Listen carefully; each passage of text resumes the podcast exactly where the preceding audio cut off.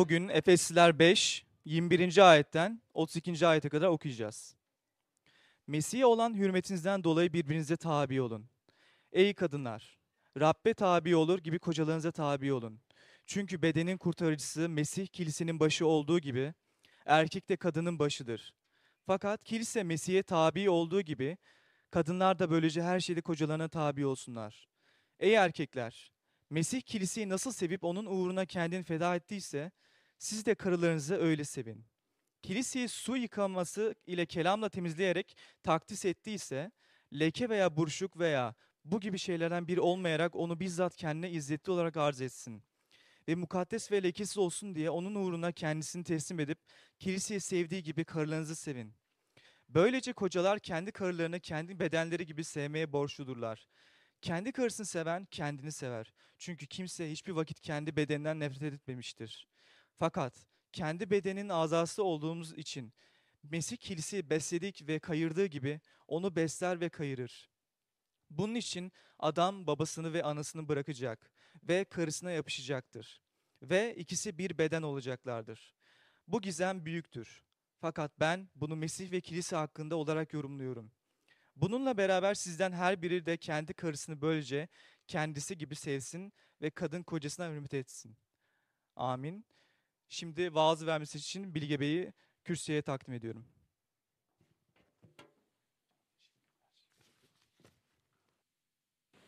Çok teşekkürler. Ve tekrardan hoş geldiniz. Size selamlar ve sevgiler getirdim bu sabah. Altıntepe Protestan Kilisesi'ne davetliydim.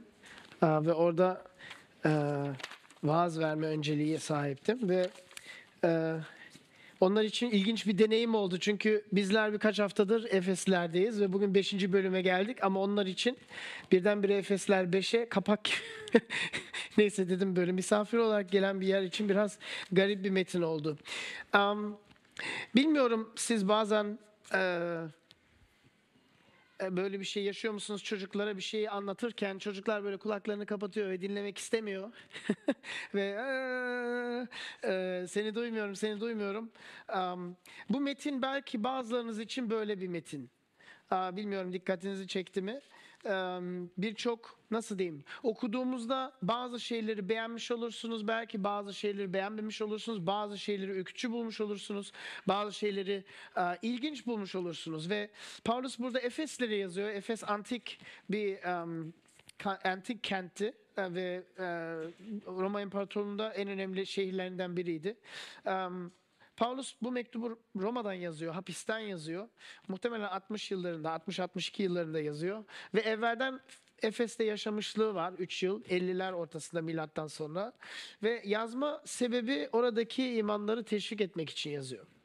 Ve bu bölüm e, bu baktığınız metin e, evlilik üzerine bir metin ve Paulus'un pratik mektubun pratik bölümüne gelmiş oluyoruz. Biliyorsunuz Paulus mektuplarını genelde önce teori ve sonra pratiğe e, bölüyor. Yani Efeslerin ilk üç bölümü e, teori ve dördüncü bölümden itibaren e, pratiğe geçiyor. Ve bu pratik e, metin zor bir metin. Açıkçası size söyleyeyim. Zor bir metine bakıyoruz bugün. Um, ve aynı zamanda da önemli bir konuya bakıyoruz. Çünkü evlilik çok e, insanlık için önemli ve bütün e, nasıl diyeyim derin e, düşünen insanlar, e, filozoflar bunun üzerine birçok şey yazmış ve birçok şey düşünmüş. Size birkaç örnek getirdim e, bültende. 1900 yıllarında Nietzsche şöyle yazdı. Mutsuz evliliklere yol açan şey sevgi eksikliği değil, dostluk eksikliğidir. Bir yüzyıl evvel 18. yüzyılda Arthur Schopenhauer dedi ki evlenmek haklarınızın yarıya inmesi ve sorumlulukların iki katına çıkması anlamına gelir.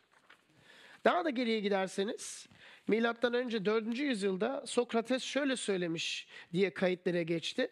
Mutlaka evlenin. Ee, iyi bir eş bulursanız mutlu olursunuz. Bulamazsanız filozof olursunuz. Aranızda filozof var mı bilmiyorum. Ama e, bütün insanlık tarihinde önemli bir konu ve her neye inanırsanız inanın e, bu konuyla ilgilenmek güzel bir şey.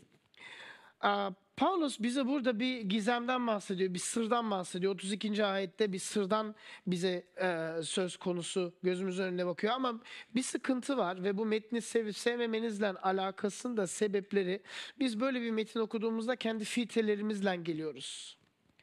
Kendi aklınızda hali hazır fikirlerle geliyoruz. Başka çaremiz yok zaten. Çünkü herkesin bir e, biyografisi var, bir, bir geçmişi var. Ve her zaman böyle bir şeyler duyduğunuzda o geçmişle, o gözlükle bu metni okuyorsunuz. Yani burada Paulus'un ne e, açıklamak istediğini anlamak için o filtreleri belirli bir derecede bir yana e, perde gibi yana itmeniz lazım veya o gözlüğü çıkartmanız lazım ve bu çok zor bir şey açıkçası. Ben burada size belki 30 dakikalık bir şey anlatacağım ama siz hayat boyunca yıl boyunca yıllar boyunca bu filtrelerin içinde yaşamışsınız. Onun için sizden biraz sabır isteyeceğim. Filtre ne dersiniz? Aa, kültürler mesela. Ee, Geleneksel kültürde büyüdüyseniz ki Türkiye'nin büyük bir bölümü geleneksel sayılabiliriz. Evlilik neden derseniz, evliliğin amacı ne derseniz o diyor ki yani sosyal görevini yerine getirmek diyor.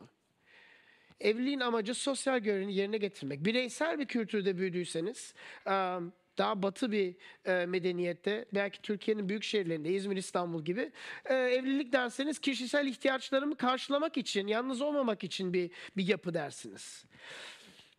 Bu birinci filtre. İkinci filtre sülaleniz nerede büyüdünüz? Hangi köyde, hangi mahallede, hangi e, ailede, hangi çevrede, hangi coğrafyada büyüdünüz? Gördüğünüz, büyüdüğünüz evlilikler nasıldı? Örnekler nasıldı? Ve bu evliliklere nasıl bakış açısından baktınız? Ve bunlar tabii ki sizi etkiledi. Son olarak psikoloji dersek kendi çocukluğunuz. Daha da biliyorsunuz genişten hep daha dara gidiyorum. E, Kendi çocukluğunuz, kendi aile deneyiminiz. Anne babayla büyüdünüz mü? Anne babanın ilişkisi nasıldı? Birbirine irtibatı nasıldı? Ve çok mükemmel bir evlilikte büyüdüyseniz o zaman belki e, kendi evliliğinize yaklaştığınızda biraz saf yaklaşırsınız. Biraz naif yaklaşırsınız. Çok kötü bir deneyimden büyüdüyseniz belki çok şüpheci ve daha tedirgin yaklaşırsınız. Ve bütün bunlar filtreler. Sadece birkaç örnek verdim. Bundan çok daha fazla var. Ve metinde, metini okuduğunu da e, Vedat demin metini okudu. Belki bazı ayetlerde böyle bir şey yaptınız. Böyle bir e, ne ya? Ee, ve bazı metinlerini beğenmiş olabilirsiniz. Ve bu sizin filtreleriniz sizinle konuşması demektir. Am, metine bakarsanız aslında iki tane kutup var. İki tane kelime var devamlı ve devamlı e, tekrarlanıyor. Birisi tabi kelimesi veya itaat veya boyun eğme kelimesi. Pek duymak istediğimiz bir kelime değil.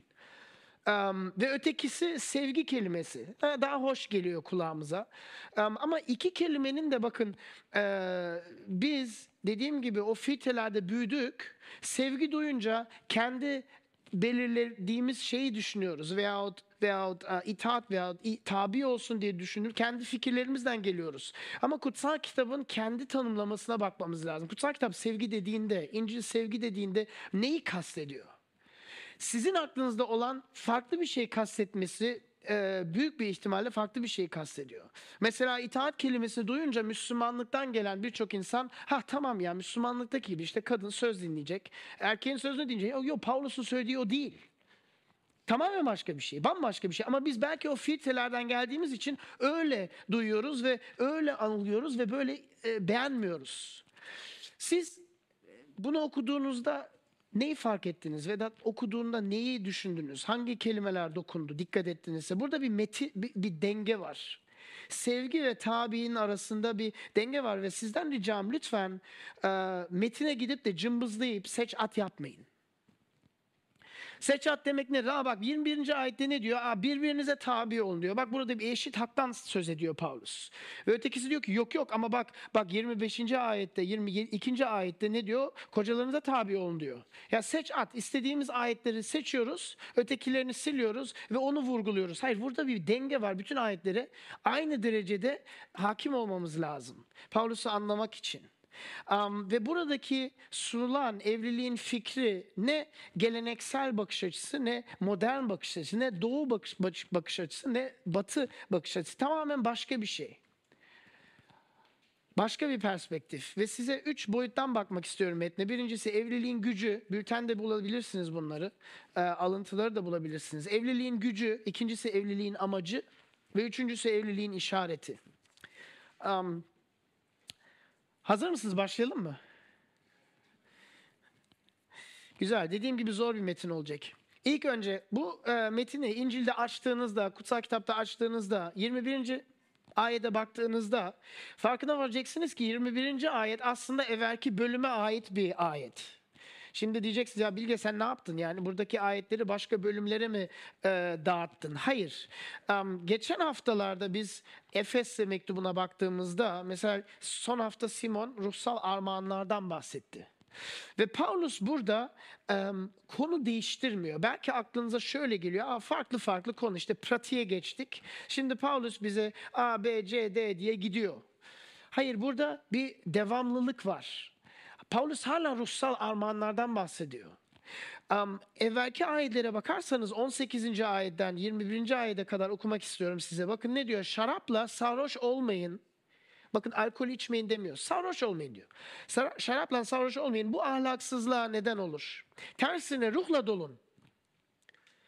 Birbirinize mezmurlar, ilahiler, ruhsal ezgiler söyleyin. Yüreğinizden Rabbe ezgi ve ilahiler yükseltin. Her durumda, her konuda Tanrı'ya ve Baba'ya ve Rabbimiz İsa Mesih'in adıyla şükredin. Mesih'e olan hürmetinizden dolayı birbirinize tabi olun. 21. ayet köprü ayeti, bağlantı ayeti. Yani e, evvelki konunun ikinci bir örneğe sarkmasını e, meydana getiriyor. Paulus'un yaptığı burada bu. Farklı konu değil, devam ediyor. Yani ruhla dolun diyor. Ruhla dolun diyor ve ruhla dolmanın bir örneğini veriyor bize. Evlilik, ruhla doluysanız evliliğiniz böyle e, gö- gözükebilir diyor. Ve burada incilsel bir hayat tasarımdan söz konusu. Am, ve bayağı radikal başka bir yaklaşım, başka bir bakış açısı. Am, birazdan belki umarım am, göreceksiniz. Burada birçok şeyden bahsediyor. Diyor ki yani bu yeni hayat tasarımı, bu yeni evliliğe bakış açı, am, bir müzik söylemek gibi, yaşam em, yaşama kavuşmak gibi, minnettarlık, fedakarlık gibi diyor. Peki bunun kaynağı nedir? Kaynağı ruhla dolmak. Evvelden söyledi. Tersine ruhla dolun. Hala ruhta. Ruhla, ruhun verdiği armağanlarında ruhla dolmakta. Ve belki bugün farklı farklı hayat e, duruşlarından geliyorsunuz. Ba- bazılarınız bekar. Belki güzel bir hazırlık olabilir. Bazılarınız evli. Güzel bir hatırlatma olabilir. Am, her neyse bu metini ruhsal armağanlar açısından dinlerseniz hepimize birçok katkıda bulunacak bir metin. Paulus'un burada iddia ettiği şey şu. Ruhla doluysan evliliğin buna benzeyecek. Ve aynı zamanda burada bir dikkat, bir uyarı var. Ruhla doluluk yoksa evliliğin buna benzemek benzemesi biraz zor diyor. Bilmiyorum ara sıra YouTube'da video izliyor musunuz? Böyle bir çok tehlikeli insanlar işte pencereden atlıyor veya işte e, çok yüksek bir köprüden aşağı atlıyor ve işte bir yani hakimler, teknikleri var. Suya atlıyorlar filan ama böyle 30 metreden ve o videolarda genelde bunu sakın denemeyin.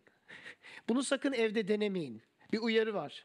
Paulus'un burada yaptığı şey küçük bir uyarı. Bunu sakın evde denemeyin diyor. Ve bunu anlamak için hatırlamamız lazım ki genel olarak evlilik Tanrı'nın bir icadı, bir keşfi. Ve Paulus bunu hatırlatıyor. Çünkü 31. ayette yaratılıştan alıntı kullanıyor. Yaratılış 2'den alıntı kullanıyor.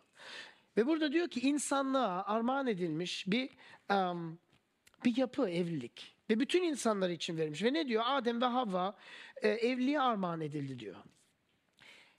Evlilik herkes için verildi diyor.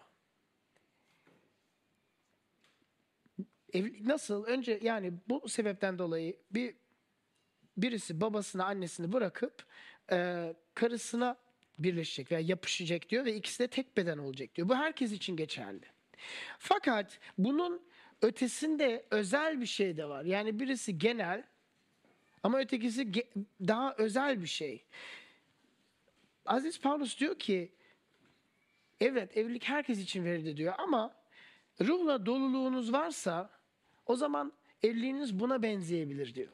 O zaman bunu yapabilirsiniz. Ama yoksa bunu denemeyin çünkü başarılı olmanız çok yani olasılığı çok düşük diyor. Bir uyarı veriyor bize. Bu evliliğin gücü neye bağlı? Ruhla dolmu, dolmuş olmakla bağlı. Evvelki bölümle bir bağlantı kuruyor. İkincisi evliliğin amacı nedir? Evliliğin amacı nedir? Evvelden de bahsettim. Burada İncil burada bize özel bir amaç veriyor. Evliliğin bir amacını veriyor. İncil'in verdiği amacını anlamaktan evvel belki duyduğunuz cevaplar nedir? Evliliğin amacı nedir diye sorduğunuzda sokakta size ne cevaplar verilir? Ne duyarsınız? Ne duyuyorsunuz? Genel cevaplar nedir? Genelde iki tarz cevap veriliyor. Birisi daha geleneksel hanedan bir bakış açısı. Yani hanedan derken yüzyıllar boyunca bütün dünyada, tüm kültürlerde yapılmış ve pratik edilmiş bir bakış açısı. Ne diyor? Evlilik bir sosyal fonksiyonu ve görevine yerine getirmektir diyor. Yani bir eş seçerek elirli bir ekonomik pozisyonu sağlıyorsun veya sosyal koşulları sağlıyorsun. Yani eşin aslında istediğin ailenin parçasını olmak için bir araç. Bu bakış açıda evliliğin amacı nedir diye sorduğunuzda hiçbir zaman işte aşk veya aşık olmak veya işte romantik duygular veya tutku diye cevap almazsınız. Çünkü evliliğin amacı o değil bu bakış açıdan. Yani tesadüfen olursa güzel ama zorunlu değil. Hanedan bakışta e, zorunlu bir şey değil. Bundan dolayı geleneksel bakış açıda boşanma da yok. Çünkü evliliğin amacı bu şeyleri, ihtiyaçları yerine getirmek değil, sosyal sorumluluğunu yerine getirmek, sadık olmak. Yeni bakış açısına gelir, gelirseniz, romantik bakış açısına gelirseniz orada aydınlanma çağıyla beraber evlilik bireysel ihtiyaçlarınızı karşılamak için diye bir tanımlamış bulunuyor. Ve burada nedir? Yani burada benim özel hayatlı, e, haya, hayatımda bulduğum, kurduğum hayalleri, ihtiyaçlarımı, e, duygularımı, arzularımı karşılamak için bir yapı. Burada aşk ve heyecan çok önemli. Tek amaç. Ama sadakat ve bağlılık yani tesadüfen olursa fena değil ama zorunlu değil. Bir şeyin farkına varıyor musunuz? İki tane uçurum çiziyorum çize. İki tane uçurum. Birisi geleneksel, birisi daha modern. Ee, Ve çok farklı değil mi? Kulağına çok farklı geliyor. Ama aslında bakarsanız ortak noktası çok birbirine benziyor. Ortak noktası nedir? Ortak noktası evlilik her zaman bir araç. Birisinde yani ailenin ihtiyaçlarını karşılamak için politik veya ekonomik veya sosyal ihtiyaçlarını elde etmek için bir araç. Ötekisinde bencil bireysel ihtiyaçlarını yerine getirmek için bir araç. Bu açıdan ikisi de çok birbirine benziyor. Peki şimdi size sorsam hangisini seçersiniz? Birisini seçmeye mecbur kalsanız hangisini seçersiniz? Geleneksel bir evlilik mi istersiniz yoksa modern bir evlilik mi istersiniz? Aşk, heyecan, tutku mu istersiniz yoksa sadakat, bağımlılık, e, ömür boyunca beraber kalmak mı istersiniz? Bir elleri görebilir miyim? Hangisini? Bir mi iki mi?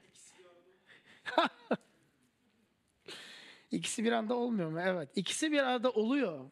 Paulus bize bunu söylüyor ve insana aslında insan aslında ikisini bir arada istiyor.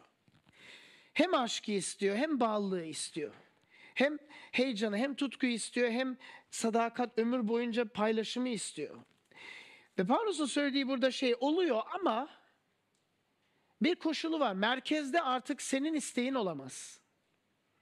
Senin ister bireysel olsun, ister aile olsun artık o merkezde olamaz. Merkezde başka bir şey olması lazım.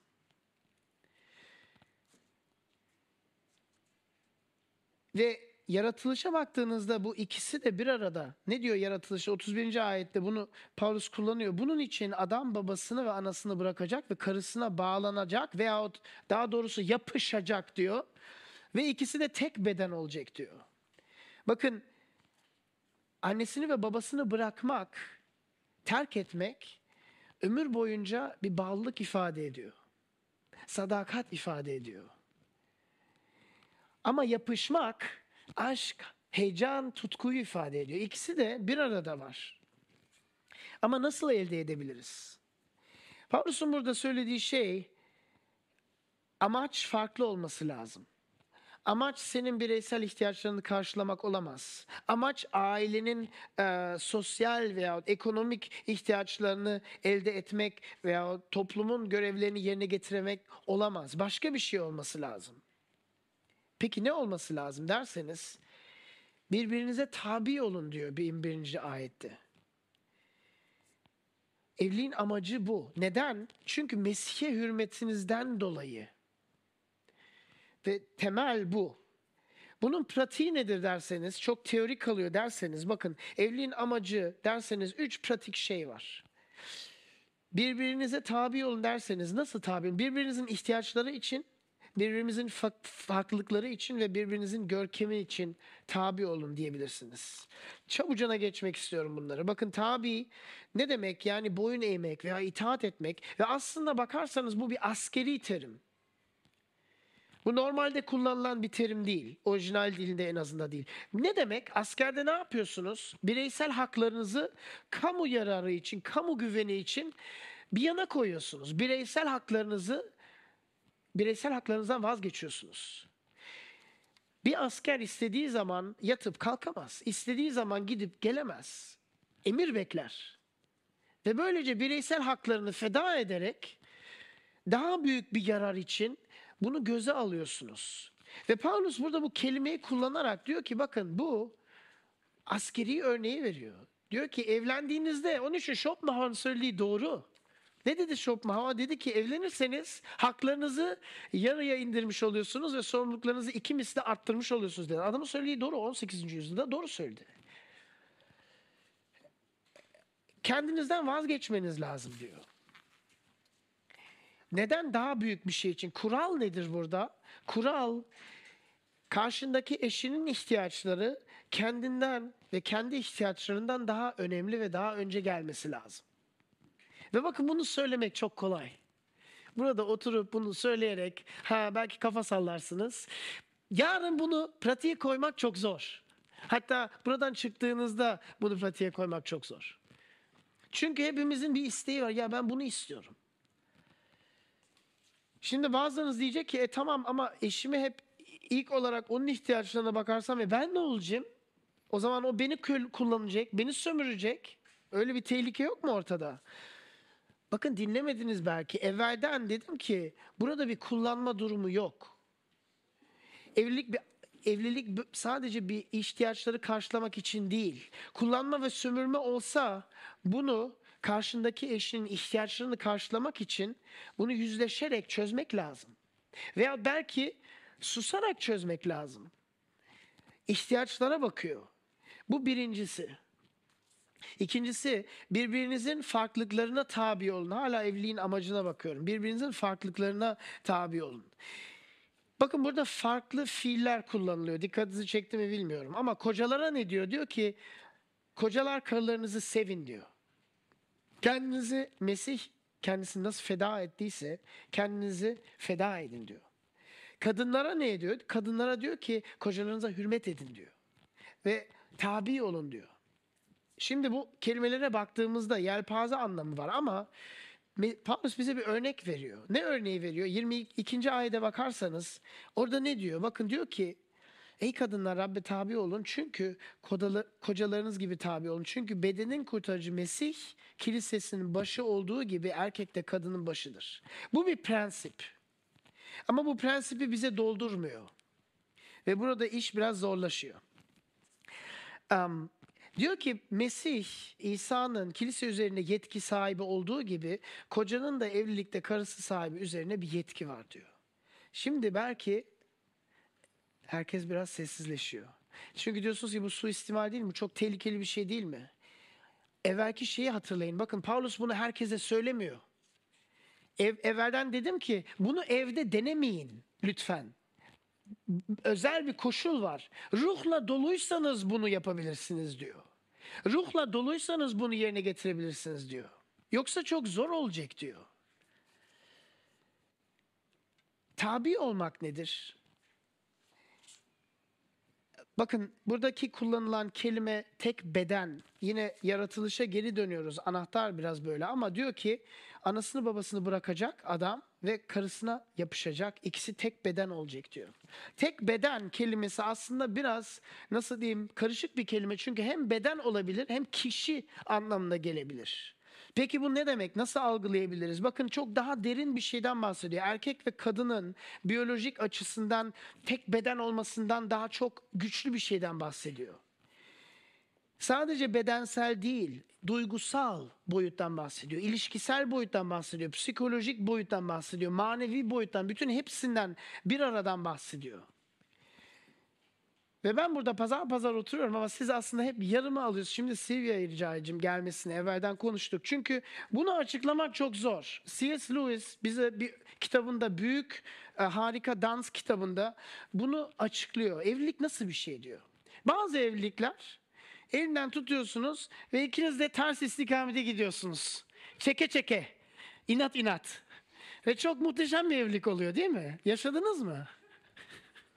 Bazı evliliklerde eline tutuyorsunuz halay çeker gibi işte bir yan adım, bir sol adım, bir yan adım, bir sol adım ama birbirinize pek bakmıyorsunuz. Biraz paralel bir yaşam sürüyorsunuz.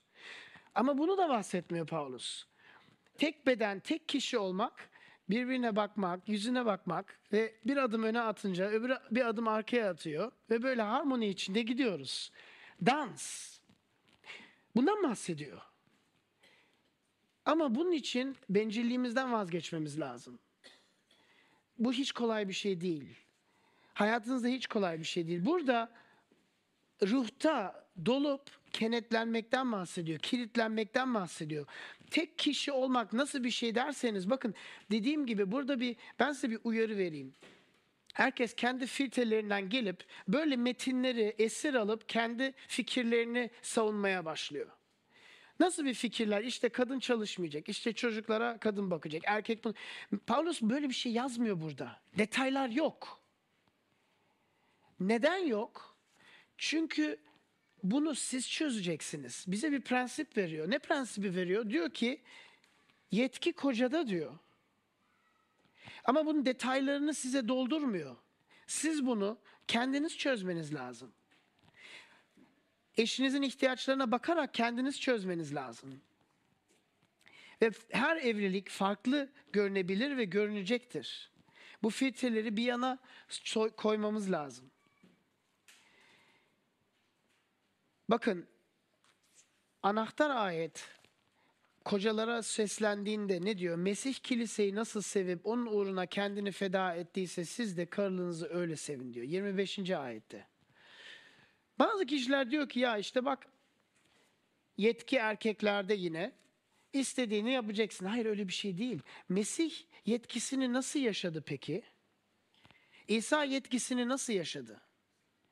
Bunu bir düşündüğümüzde çok farklı bir neticeye gitti. İsa'nın aşırı bir otoritesi vardı. Nasıl yaşadı? Hangi şekilde yaşadı? Çarmıha baktığımızda ne görüyoruz? Bizler suçlu olmamıza rağmen, haksız olmamıza rağmen, kötü olmamıza rağmen, günahkar olmamıza rağmen, onun hiçbir istediğini yerine getirmemiş olmamıza rağmen bizi ne yapıyor? Seviyor, affediyor, kabul ediyor. Öyle değil mi? Halbuki bizi suçlayabilirdi de, bize kızabilirdi de, bize öfkelenebilirdi de, bizi cezalandırıp dövebilirdi de. Ama Mesih öyle yetkisini kullanmıyor. Yetkiden söz konusuysa Mesih'e bakarak kocalar böyle bir örnek olmaları lazım. Paulus bizi buna çağırıyor ve hiç kolay bir şey değil. Aşırı bir denge var görüyor musunuz? Ve denge bakın evet yetki belki erkeklerde ama buradaki denge sen bu yetkiyi kendi bireysel bencil ihtiyaçlarını kullanmaya başlarsan sorumlu bir eşe sahipsen o sana karşı koyması lazım. Çünkü bu doğru bir şey değil. Çünkü yanlış yoldasın. Paulus'un ruhla dolma yolunu terk ettin. İsa'ya inanıyorum diyorsan ve ben ruhla doluyum diyorsan ki bu güzel bir test. O zaman bu yolu terk ettiğinde eşin seni uyarması lazım. Yüzleşmesi lazım. Ki en büyük ihtiyacın o an o. Muhteşem evliliği anlamamız için 25, 26 ve 27. ayda bakarak İsa'nın örneğine bakmamız lazım. Çünkü İsa burada kiliseden bahsediyor ve bize karı koca örneğini veriyor. Çok ilginç, bilmiyorum dikkatinizi çekti mi? Muhteşem evliliği anlamak için, yaşamak için evli olmanız lazım değil, imanlı olmanız yeter. Bu iyi bir haber değil mi? Çünkü her imanlı Mesih'le evli. Paulus böyle söylüyor. Ben bu, bu gizem büyüktür diyor ama ben Mesih ve kiliseye doğru yor- yorumluyorum diyor. İsa'nın evliliğine baktığımızda ne görüyoruz? Bizimle birleşti. Bizimle bir antlaşma yaptı. Bizi seviyor. Peki bütün bunun amacı ne? Sebebi ne? Neden yapıyor bütün bunları? Neden beden aldı? Neden birkaç hafta sonra Noel kutluyoruz? Noel ezgileri söyledik.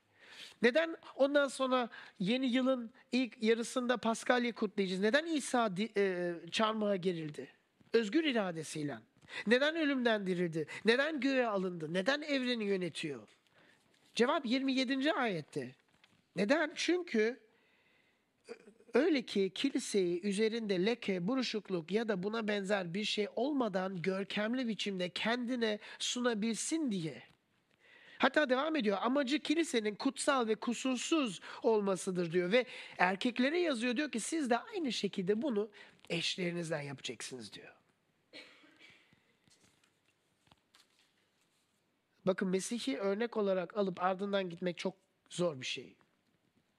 Erkek olsun kadın olsun hiç fark etmez ama buradaki bizim çağrımız bunu yapmak. Ve bizi davet ediyor. Olduğumuz gibi davet ediyor. Herkesi olduğu gibi davet ediyor çarmıha ama hiç kimseyi olduğu gibi bırakmıyor. Romalı, Romalı mektubunun 8. bölümünde farklı bir şekilde ifade ediyor. Diyor ki sizi İsa neden kurtardı? Neden çağırdı? Neden neden çarmıhtaki verdiği fedayla yıkadı, günahlarınızın pahasını ödedi? Neden bunların hepsini yaptı diyor. Siz mutlu olasınız diye yapmadı bu arada. Diyor ki İsa'nın benzerliğine dönüştürülmeniz için yaptı diyor. Yani siz kurtardın, kurtarıldınız diyorsanız, İsa iman ediyorum diyorsanız o zaman onun benzerliğine dönüştürmek temel amacımız. Ve evlilik bunun için bir araç. Evlilikte eşiniz bunu göz önünde tutarak hareket etmesi lazım ve son pratik şeye geliyorum. Birbirinizin görkemini aklımızda tutmak. Ne demek? Yani karşındaki kadın olsun erkek olsun Mesih'e doğru adım atıyor mu? Her gün Mesih'e doğru daha yaklaşıyor mu? Yani diyorsunuz ki ben kendi ihtiyaçlarımı değil, ben senin Mesih'e doğru, senin Allah'a doğru daha yakınlaşman için ne yapabilirim? Seni bu yolculukta nasıl destekleyebilirim? Bir gün olacağın kişi. Yani evlisiniz, tırtıldan kelebeği biliyorsunuz. Tırtılsınız ama eşinize baktığınızda kelebeği görüyorsunuz. Bir gün Mesih'in görkeminde olacağı kişiyi görüyorsunuz ve diyorsunuz ki ben ne yapabilirim bu kelebek olmanı sağlaman için? Birbirinize söylüyorsunuz.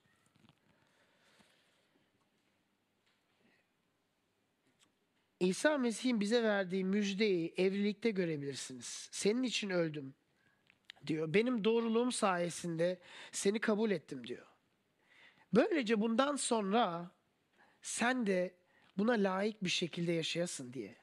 Ki İsa'ya benzediğimizde hatırlayın Allah insanı nasıl yarattı? Kendi suretinde yarattı. Yine o surete kavuşma yolundayız. Ve bu yoldaşlığı evlilikte yapıyoruz. Sadece evlilikte değil ama evlilikte de ve burada yine bir denge var. Peki bunu nasıl yapabilirim diye soracaksınız. Çok güzel, çok güzel ama nasıl yapabilirim? Evliliğin işaretine bakalım son olarak. Mesih'e hürmet evliliğin işareti. 20, 32. ayette Paulus gizemden bahsediyor. Bu büyük bir sırdır diyor.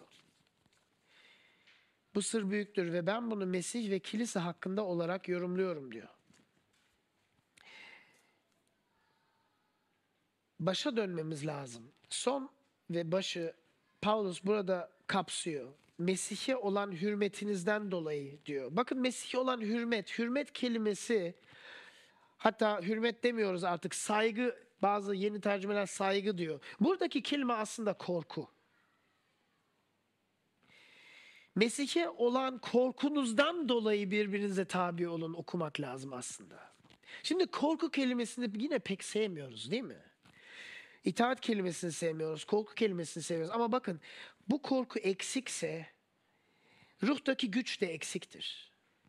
Bu korku eksikse Her şey sadece teori. Bakın filozofların en güzel yanı nedir? Birçok kitap okumuşlar ve birçok şey biliyorlar. Ama hayatta bunun çok küçük bir miktarını uyguluyorlar.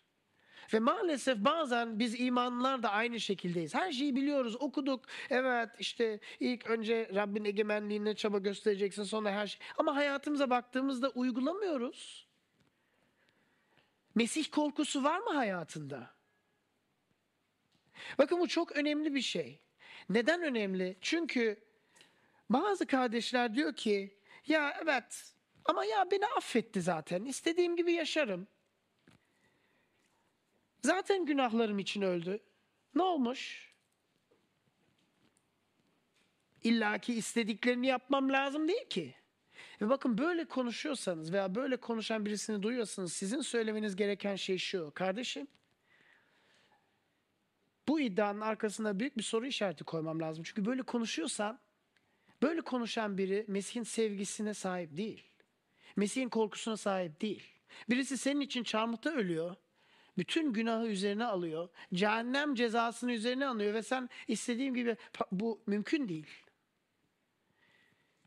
Mesih korkusu varsa hayatımızda bir etkisi olması lazım. Görebildiğimiz bir etkisi olması lazım. Ruhla doğmuş olmamız lazım. He bil- biliyorum günahlarımı affetti. Ben de aslında affetmem lazım ama işte affedemiyorum. Olmaz. Olmuyor. Arkanıza büyük bir soru işareti koyun lütfen.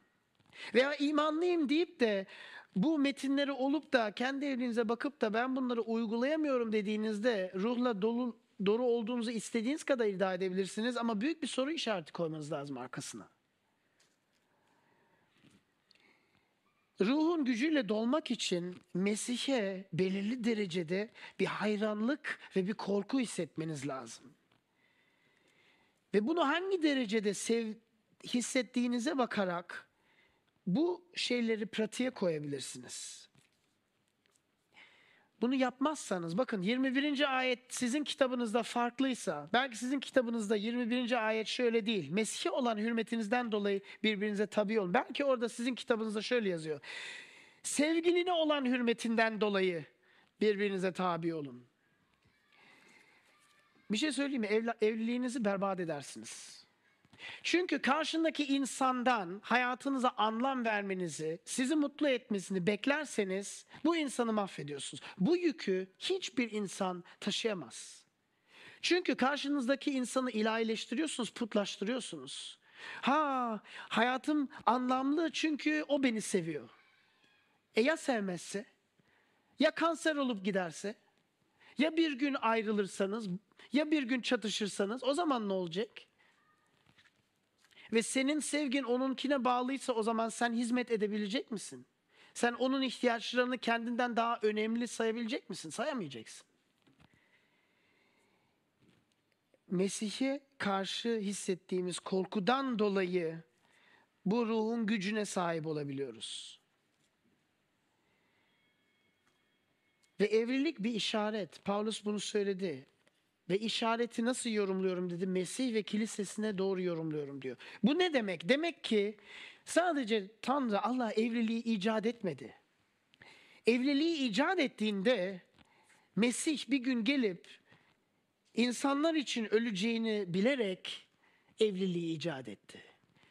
Evliliğe baktığımızda ve bu şekildeki olan ve bu şekildeki yaşanan bir evliliğe baktığımızda insanlar bunu görebilsin diye icat etti demek istiyor.